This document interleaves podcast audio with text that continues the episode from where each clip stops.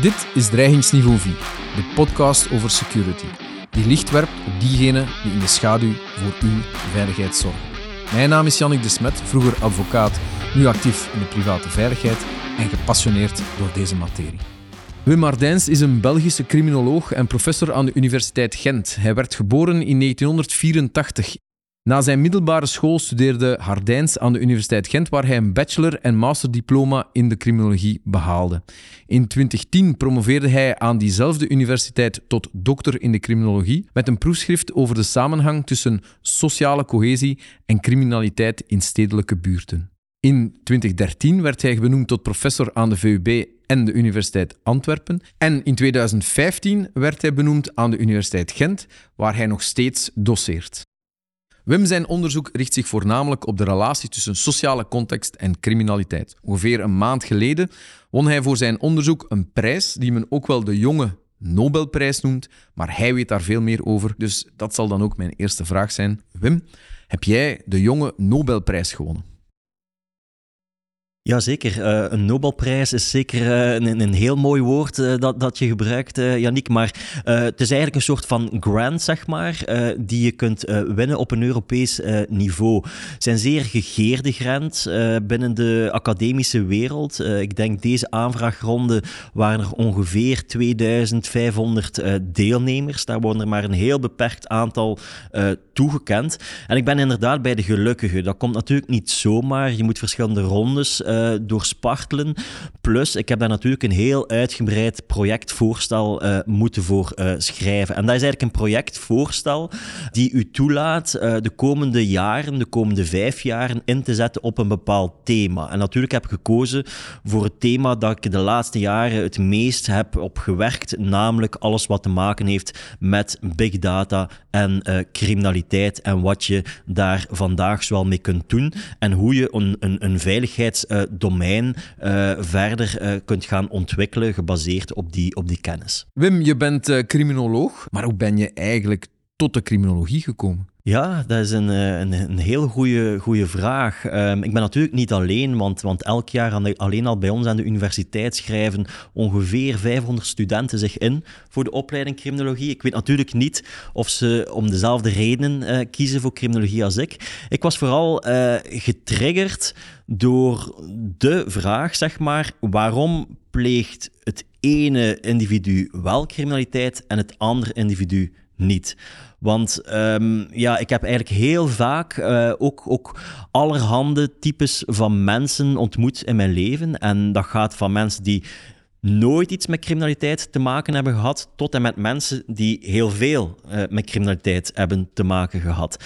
En dat is mij altijd opgevallen in die gesprekken met die mensen en, en ontmoetingen, dat er in principe niet altijd zoveel verschil is tussen die mensen. En heel vaak heeft het te maken met kansen krijgen in je leven. En heel veel van die mensen die eigenlijk in de criminaliteit zijn, zijn geraakt, die hebben bepaalde kansen niet gehad, niet gegrepen, uh, en die komen in bepaalde milieus terecht die hen tot bepaalde um, ja, acties en feiten doen, doen leiden.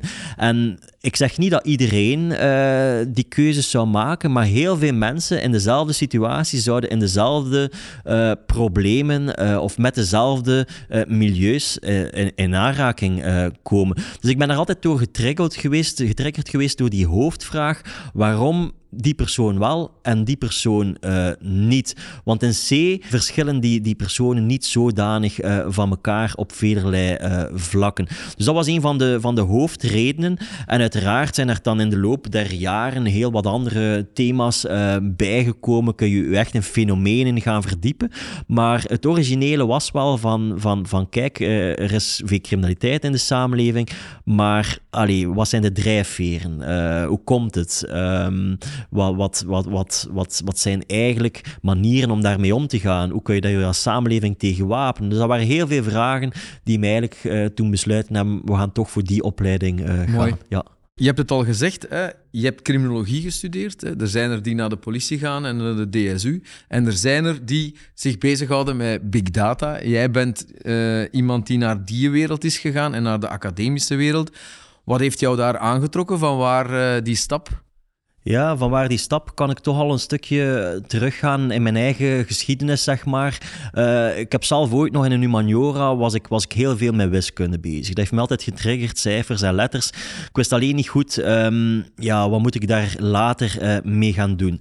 Toen heb ik gekozen voor, voor een van mijn, van mijn passies, zeg maar, voor de criminologie. Um, en heb ik eigenlijk doorheen die opleiding gemerkt van, kijk, we missen hier toch wel iets op vlak van uh, data, cijfermateriaal. We hadden wel één vakje statistiek, zeg maar, maar dat was voor mij niet genoeg. Uh, dus wat ik gedaan heb in die periode al, was eens gaan kijken van bestaan er niet andere vakken binnen onze opleiding, binnen de universiteit, die mij zouden toelaten mij daar verder in te specialiseren. En dat heb ik toen gevonden in andere opleidingen, onder andere in de sociologie. Dus ik ben eigenlijk keuzevakken gaan opnemen die eigenlijk niet binnen het gangbare programma uh, binnen de criminologie aangeboden werden. En dat heeft mij toegelaten om toch wel een een, een, soort van niche te ontwikkelen in die periode. Ik spreek periode 2002, 2003 ongeveer. Uh, dan heb ik eigenlijk heel sterk die twee linken trachten te leggen. Enerzijds mijn kennis op vlak van criminaliteit, op vlak van uh, criminologie. Anderzijds mijn kennis op vlak van data-analyse, dataverwerking. En dat heeft mij eigenlijk toegelaten om die twee te gaan combineren en daar eigenlijk zeg maar een stukje mijn expertise in te gaan ontwikkelen en een, een eigen doctoraal proefschrift te gaan, te gaan opstarten en te gaan uh, uitbouwen. En dat heeft mij eigenlijk gebracht tot waar ik vandaag sta. Want vandaag maak ik eigenlijk in al mijn studies en al mijn onderzoeken en al mijn publicaties uh, die ik maak, maak ik gebruik van allerhande cijfermateriaal. Dat is cijfermateriaal afkomstig van politiediensten, cijfermateriaal van stadsdiensten, cijfermateriaal van private ondernemingen, uh, demografisch materiaal die verzameld wordt, noem maar op. Heel wat gegevens komt daarbij de laatste laatste tien jaar een enorme explosie aan materiaal op vlak van sociale media, op vlak van beeldmateriaal, op vlak van textuele data op het internet. Dus al die gegevens die moeten op een of andere manier gekanaliseerd verwerkt worden. En dat is eigenlijk uh, een van de domeinen waar ik nu het meest mee bezig ben, namelijk gaan kijken hoe kunnen we uit al die databronnen, uit al die gegevensbronnen, kennis genereren die ons in staat stelt een betere veiligheid, een hoger security level te gaan uh, bereiken. En, en dit komt eigenlijk, mijn expertise op dat vlak komt eigenlijk en dateert eigenlijk vanuit die geschiedenis, mijn humaniora, die keuzes in mijn opleiding criminologie, om eigenlijk in te gaan zetten op, op vakken die, die te maken hebben met data-analyse ja, dat blijkt ook. Je bewijst dat ook allemaal in alle eerlijkheid met jouw boek uh, Big Data en uh, innovatieve methoden voor criminologisch onderzoek. Heel interessant. Je hebt het geschreven met Tom uh, Snaphaan. Um, en in dat boek gaat het onder andere over predictive uh, profiling, policing, intelligence-led policing. Er zijn allemaal verschillende termen rond uh, dat, uh, die, die aanpak. en natuurlijk, dat doet denken aan Minority Report. Hè? De, de film met Tom Cruise, waar criminelen, voor ze hun criminele daad stellen, gearresteerd worden, hè? enkele seconden ervoor. en dus waar op basis van informatie, het is natuurlijk science fiction in Minority Report, maar op basis van data, men gaat crimineel gedrag gaan voorspellen uh, en op die manier men het gedrag kan proberen te vermijden. De vraag is voor de hand liggend, waar sta jij daar? En inderdaad zijn we uh, nabij een situatie waar je met een tactiele handschoen op een, uh, op een beeld zal kunnen aantonen waar de volgende misdaad wordt gepleegd. Ja, die, die, die vraag wordt, wordt mij eigenlijk heel vaak gesteld en die link wordt ook heel vaak gelegd met Minority Report. Het was eigenlijk wel een film die, die heel wat ogen heeft doen opengaan uh, in die periode. Ik was er zelf ook door uh, getriggerd. En nog meer toen ik eigenlijk vernam dat men in de Verenigde Staten bezig was met soortgelijke uh, analyses. Um, ik moest zelf, ik herinner mij, het was periode 2014, naar een congres in, in San Francisco. Um, geregeld komen wij als criminologen samen en gaan we presentaties aan elkaar geven. Maar ik wist uh, vrij dichtbij, allee, het is toch nog een eindje, maar Los Angeles uh, ligt daar niet zo heel ver af. En ik wist, daar, daar, daar zit een professor en daar zit een heel team van wetenschappers die predictieve modellen, voorspellingsmodellen aan het ontwikkelen zijn, die ons in staat moeten stellen de criminaliteit in de toekomst te gaan berekenen, te gaan voorspellen, zeg maar. Dus wat heb ik gedaan? Uh, ik heb besloten van, kijk, ik ga toch nog eventjes blijven uh, daar in de Verenigde Staten. Ik heb daar een auto gehuurd en ik ben eigenlijk uh, van San Francisco naar Los Angeles gereden. Um, ik ben die mensen daar gaan bezoeken. In die periode um, was er in, in Europa nog helemaal geen sprake van, van dit type van onderzoek. Goed, die hebben mij ontvangen. ik heb daar eigenlijk een demo gekregen en die toonde mij van, kijk, we hebben hier programma's ontwikkeld die ook gebruikt worden door de politiediensten daar uh, ter plaatse en ook in andere staten van de Verenigde Staten. En men is die, die modellen daar eigenlijk uh, gaan, gaan gebruiken. Dat betekent eigenlijk politiediensten krijgen een programma en dat programma zegt waar de kans op een toekomstig delict het grootst is. Waar en wanneer die kans het grootst is. En dan kan men eigenlijk gaan specifieren welk delict wil ik hier gaan bestuderen. Is dat woninginbraak? Is dat diefstal uh, uit een auto? Is dat opzettelijke slagen en verwondingen? Noem maar op. Maar dat programma gaf eigenlijk aan waar en wanneer de kans het grootst is en waar dus het best politiemensen aanwezig zouden zijn. Dus dat heeft mij enorm getriggerd in die periode. En toen ik naar huis vloog, uh, dacht ik, ja, dit moet ik meenemen naar, naar Europa. Um, en ik heb dat eigenlijk, en ik denk dat ik, mag ik wel zeggen, de eerste was in Europa. Ik heb dit onderzoek naar, naar hier ge, gebracht en ik heb dit eigenlijk gaan ontwikkelen via een, onderzoeksprogramma uh, in België. En ik heb eigenlijk uh, onderzoek gedaan dus naar die predictive policing, big data policing in België en in Europa. Big data, je zei het, uh, Minority Report. Kan je eigenlijk een heel concreet voorbeeld geven van wat we nu al met die data zouden kunnen doen? Kunnen wij ergens zeggen van in die buurt vanavond zal er ongetwijfeld een, een, een, een, uh, een diefstal zijn, bijvoorbeeld? Ja, ja, dat is eigenlijk heel concreet uh, te maken. Um, een van, van de ja, meest voorkomende delicten toch wel is woninginbraak nog altijd. En daar liggen mensen ook, ook vaak het meest van wakker. Van kijk, er zal toch niet ingebroken worden in mijn woning. Um, dus ik ben eigenlijk ook met die delicttypes aan de slag gegaan. Um, en wat heb ik gedaan? Ik heb eigenlijk getracht een, een big data model uh, te ontwikkelen uh, die ons in staat stelt om te gaan bepalen op welke plek in een bepaalde buurt en op welk tijdstip in die buurt een toekomstige woninginbraak zou kunnen plaatsvinden. En ik heb daarvoor eigenlijk. Uh, pak een stad, een stad zoals als Gent of Antwerpen. Uh, ik heb zo'n stad ingedeeld in zeer kleine uh, vierkantjes. Zeer kleine vierkantjes van ongeveer 200 op 200 meter. Dus ik tracht eigenlijk te gaan voorspellen op een niveau van 200 op 200 meter waar en wanneer een toekomstige woninginbraak zou kunnen gaan plaatsvinden. En daarvoor gebruik ik dan heel wat uh, data die ons kan informeren over uh, die woninginbraak. Denk bijvoorbeeld aan voorgaande inbraken die hebben plaatsgevonden. Denk aan de actuele politiecijfers die binnenkomen. Maar denk ook aan bijvoorbeeld zaken die binnenkomen via sociale media, die binnenkomen via camera, zaken die binnenkomen op basis van eigenlijk uh, de, de, de, de stadsdiensten. Stadsdiensten verzamelen ook heel wat informatie.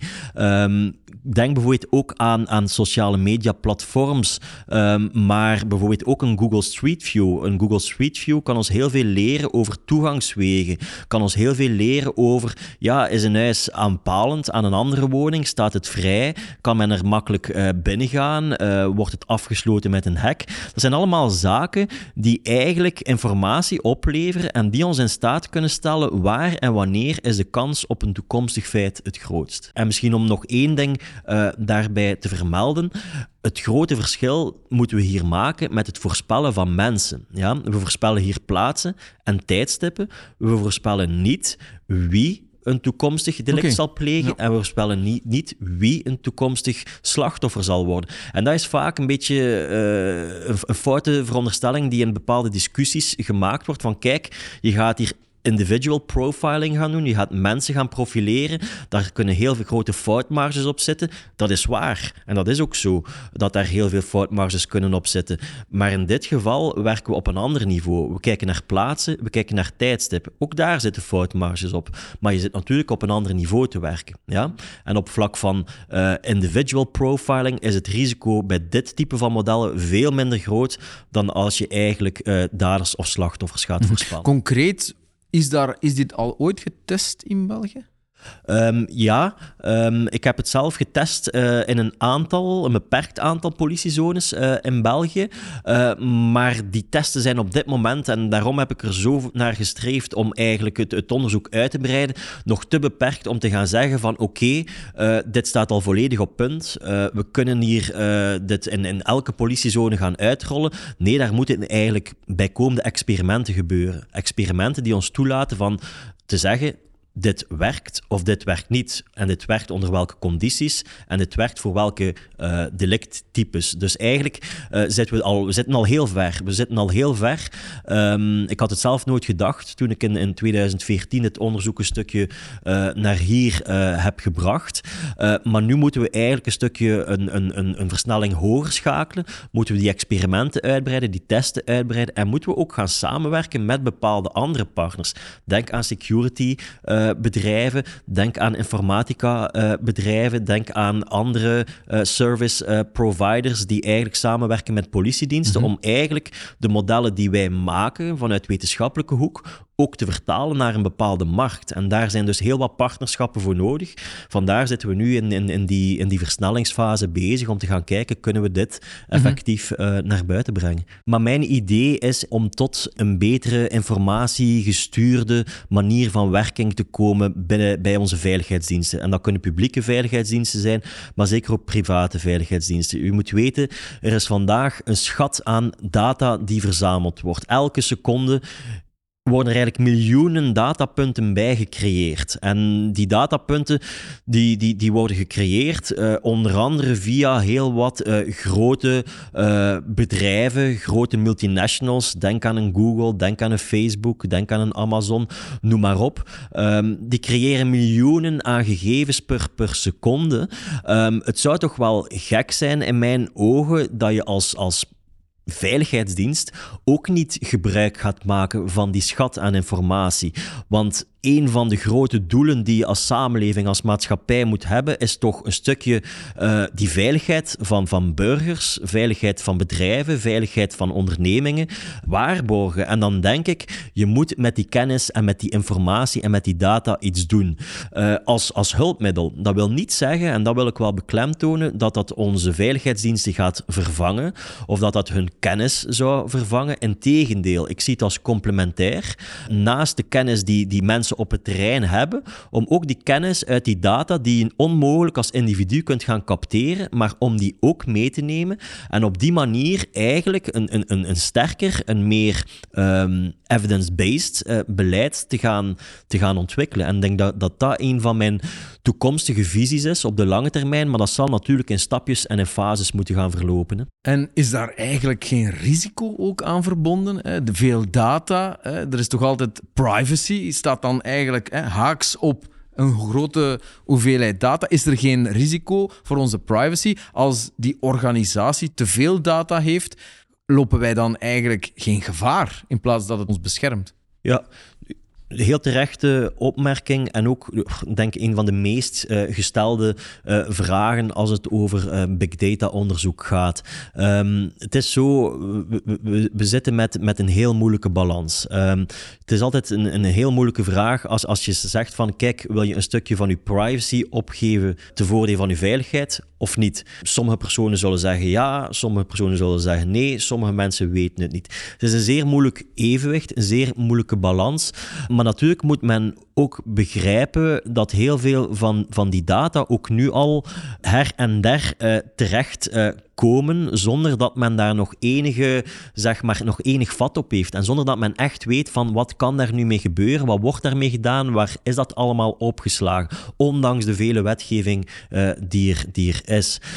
Nu is het zo, voor dit type van onderzoek, waar ik zelf mee bezig ben, is dat vaak niet altijd makkelijk. Want wat wij willen doen, is natuurlijk kijken van hoe kunnen we het uit die data halen om eigenlijk een stukje aan die veiligheid bij te brengen. En dan botsen wij vaak op heel wat regelgeving. Wij houden ons daar uiteraard uh, ook aan. Maar vaak is het zo dat die regelgeving zelf ook niet altijd heel duidelijk is. Uh, we kennen een heel sterk regelgevend kader in Europa. We kennen de GDPR. Uh, binnenkort is er ook de AI Act, die alles rond artificiële intelligentie zal regelen. Dus er is heel wat regelgeving. Maar als je dan naar die regeltjes zelf soms gaat kijken, dan staan er vaak in mijn ogen heel algemene en heel vage beschrijvingen. Bijvoorbeeld, je mag het uh, alleen maar gebruiken in het kader van het algemeen belang. Maar wat is dat, het algemeen belang? Dat zijn zo heel vaak van die vage uh, concepten. En als ik dan aan juristen vraag, wat, wat, wat verstaat u daaronder? De ene jurist zegt dit, de ander zegt dat. En mijn aanvoelen is soms ja, het, is zelf niet helemaal duidelijk in de regelgeving. Hoe kun je het dan als, als, als wetenschapper, als onderzoeker, op een goede manier uh, gaan, gaan gebruiken? Dus ik denk, um, en dit is ook wat ik weer getracht heb in mijn project zelf, ik denk dat die, die, die werelden meer moeten samengebracht worden. En wat ik nu gedaan heb in mijn nieuw project, ik heb niet alleen die data-analisten en statistici uh, daarop gezet, maar ik heb daar meteen ook juristen bij betrokken in het project zelf. En en dit is niet iets dat ik wel heel sterk geleerd heb. Het is dan pas dat ze elkaar gaan begrijpen. Want als ik een, een, een jurist die niets met mijn onderzoek te maken uh, heeft, vraag van kan dit, mag dit? Ja, doorgaans ga ik horen, oeh, dat kan niet, dat is gevaarlijk, uh, dat mag niet. Maar als ik dan met mensen praat die mijn onderzoek wel van binnen en van buiten kennen, dan is dat helemaal anders. Dus mijn, mijn ervaring is nu wel dat je die disciplines en die werelden moet samenbrengen, zodanig dat je over hetzelfde praat. Want anders ga je toch maar over holle uh, begrippen en holle uh, concepten praten, terwijl dat je niet tot de essentie komt. En ik denk dat dit voor big data onderzoek van de toekomst belangrijk zal zijn om telkens dat je technologisch vooruit gaat en, en qua dataverwerking uh, vooruit gaat, om daar meteen ook juridisch uh, een, een, stukje uh, iemand of, of iets bij te betrekken, zodat je daar ook de juiste manier mee kunt omgaan. Oké. We gaan naar het einde van onze podcast en we stellen elke keer drie dezelfde vragen. Mijn eerste vraag is: is er een groep, een vereniging, een mensen die jij het liefst wil beschermen, die jij altijd zal beschermen of beveiligen? Of aan wie jij denkt in jouw werk ter beveiliging? Goh, ik, ik heb natuurlijk heel veel onderzoek gedaan, altijd uh, in het kader van, van, van de samenleving, uh, van burgers. Dus, dus mijn aanvoelen, mijn eerste reflectie is van kijk, uh, je moet in staat zijn om, om vooral die burgers die, die het meest kwetsbaar zijn, om die eigenlijk een, een minimaal niveau van beveiliging te geven. En we zitten bijvoorbeeld in een zeer moeilijke tijdsgeest met, met alle ontwikkelingen op vlak van van, oorlog. Um, en dan als, als, als we dat zien, ja, dan als, als criminoloog die heel vaak in het kader van, van een algemeen uh, belang heeft gewerkt, dan is dat toch wel heel moeilijk te, te aanvaarden als je ziet dat heel veel onschuldige uh, mensen eigenlijk onvoldoende beveiligd kunnen worden tegen eigenlijk ja, intrusies van buitenaf. En, en dat is wel eigenlijk, denk ik, uh, iets dat, dat ik daar meteen um, ja, op zou antwoorden. Van kijk, je moet in staat zijn als samenleving, als, als samenleving van, van deze eeuw, om, om die mensen die kwetsbaar zijn of die er niet om vragen, om die een minimaal niveau van beveiliging te kunnen geven. En dat is duidelijk gebleken dat dat nu niet het geval is. Mm -hmm. um, dus dat dat een les is voor alle toekomstige generaties om zoiets toch uh, veel, veel moeilijker uh, te maken in de mm -hmm. toekomst. Dat zal niet zo simpel zijn, er zal heel veel technologie uh, ook bij te pas moeten komen, maar het zou toch wel een minimale vereiste mogen zijn, vind Ja. En, en het omgekeerde, wie wil je echt niet beveiligen? Wie zou je eigenlijk niet beschermd willen zien? Niet beschermd willen zien, dat, dat, is, een, dat is een hele moeilijke inderdaad. Um, ik denk ja, iedereen met goede bedoelingen uh, heeft, heeft recht op, op, op bescherming of, of beveiliging. Wat wel is, vind ik, is dat er uh, in de hedendaagse samenleving veel onevenwichten zijn ontstaan. Er is heel veel wat ik dan noem klassenbeveiliging. Uh, de hogere en dan vooral de hoogste uh, klassen, die worden heel sterk beveiligd, soms overbeveiligd, vind ik zelf. Mm -hmm. uh, en als je dan kijkt naar de middenmoot of, of de lagere klassen, dan zie je eigenlijk dat daar soms heel wat gebrek aan, aan beveiliging is. Dus dat onevenwicht, dat stoot mij wel tegen de borst. Dus daar zou ik wel wat meer evenwicht in een willen, correctie. willen. Ja, een correctie willen verkrijgen. Een correctie, ja, ja. maar eigenlijk iedereen beschermen, maar toch corrigeren. Corrigeren, voilà.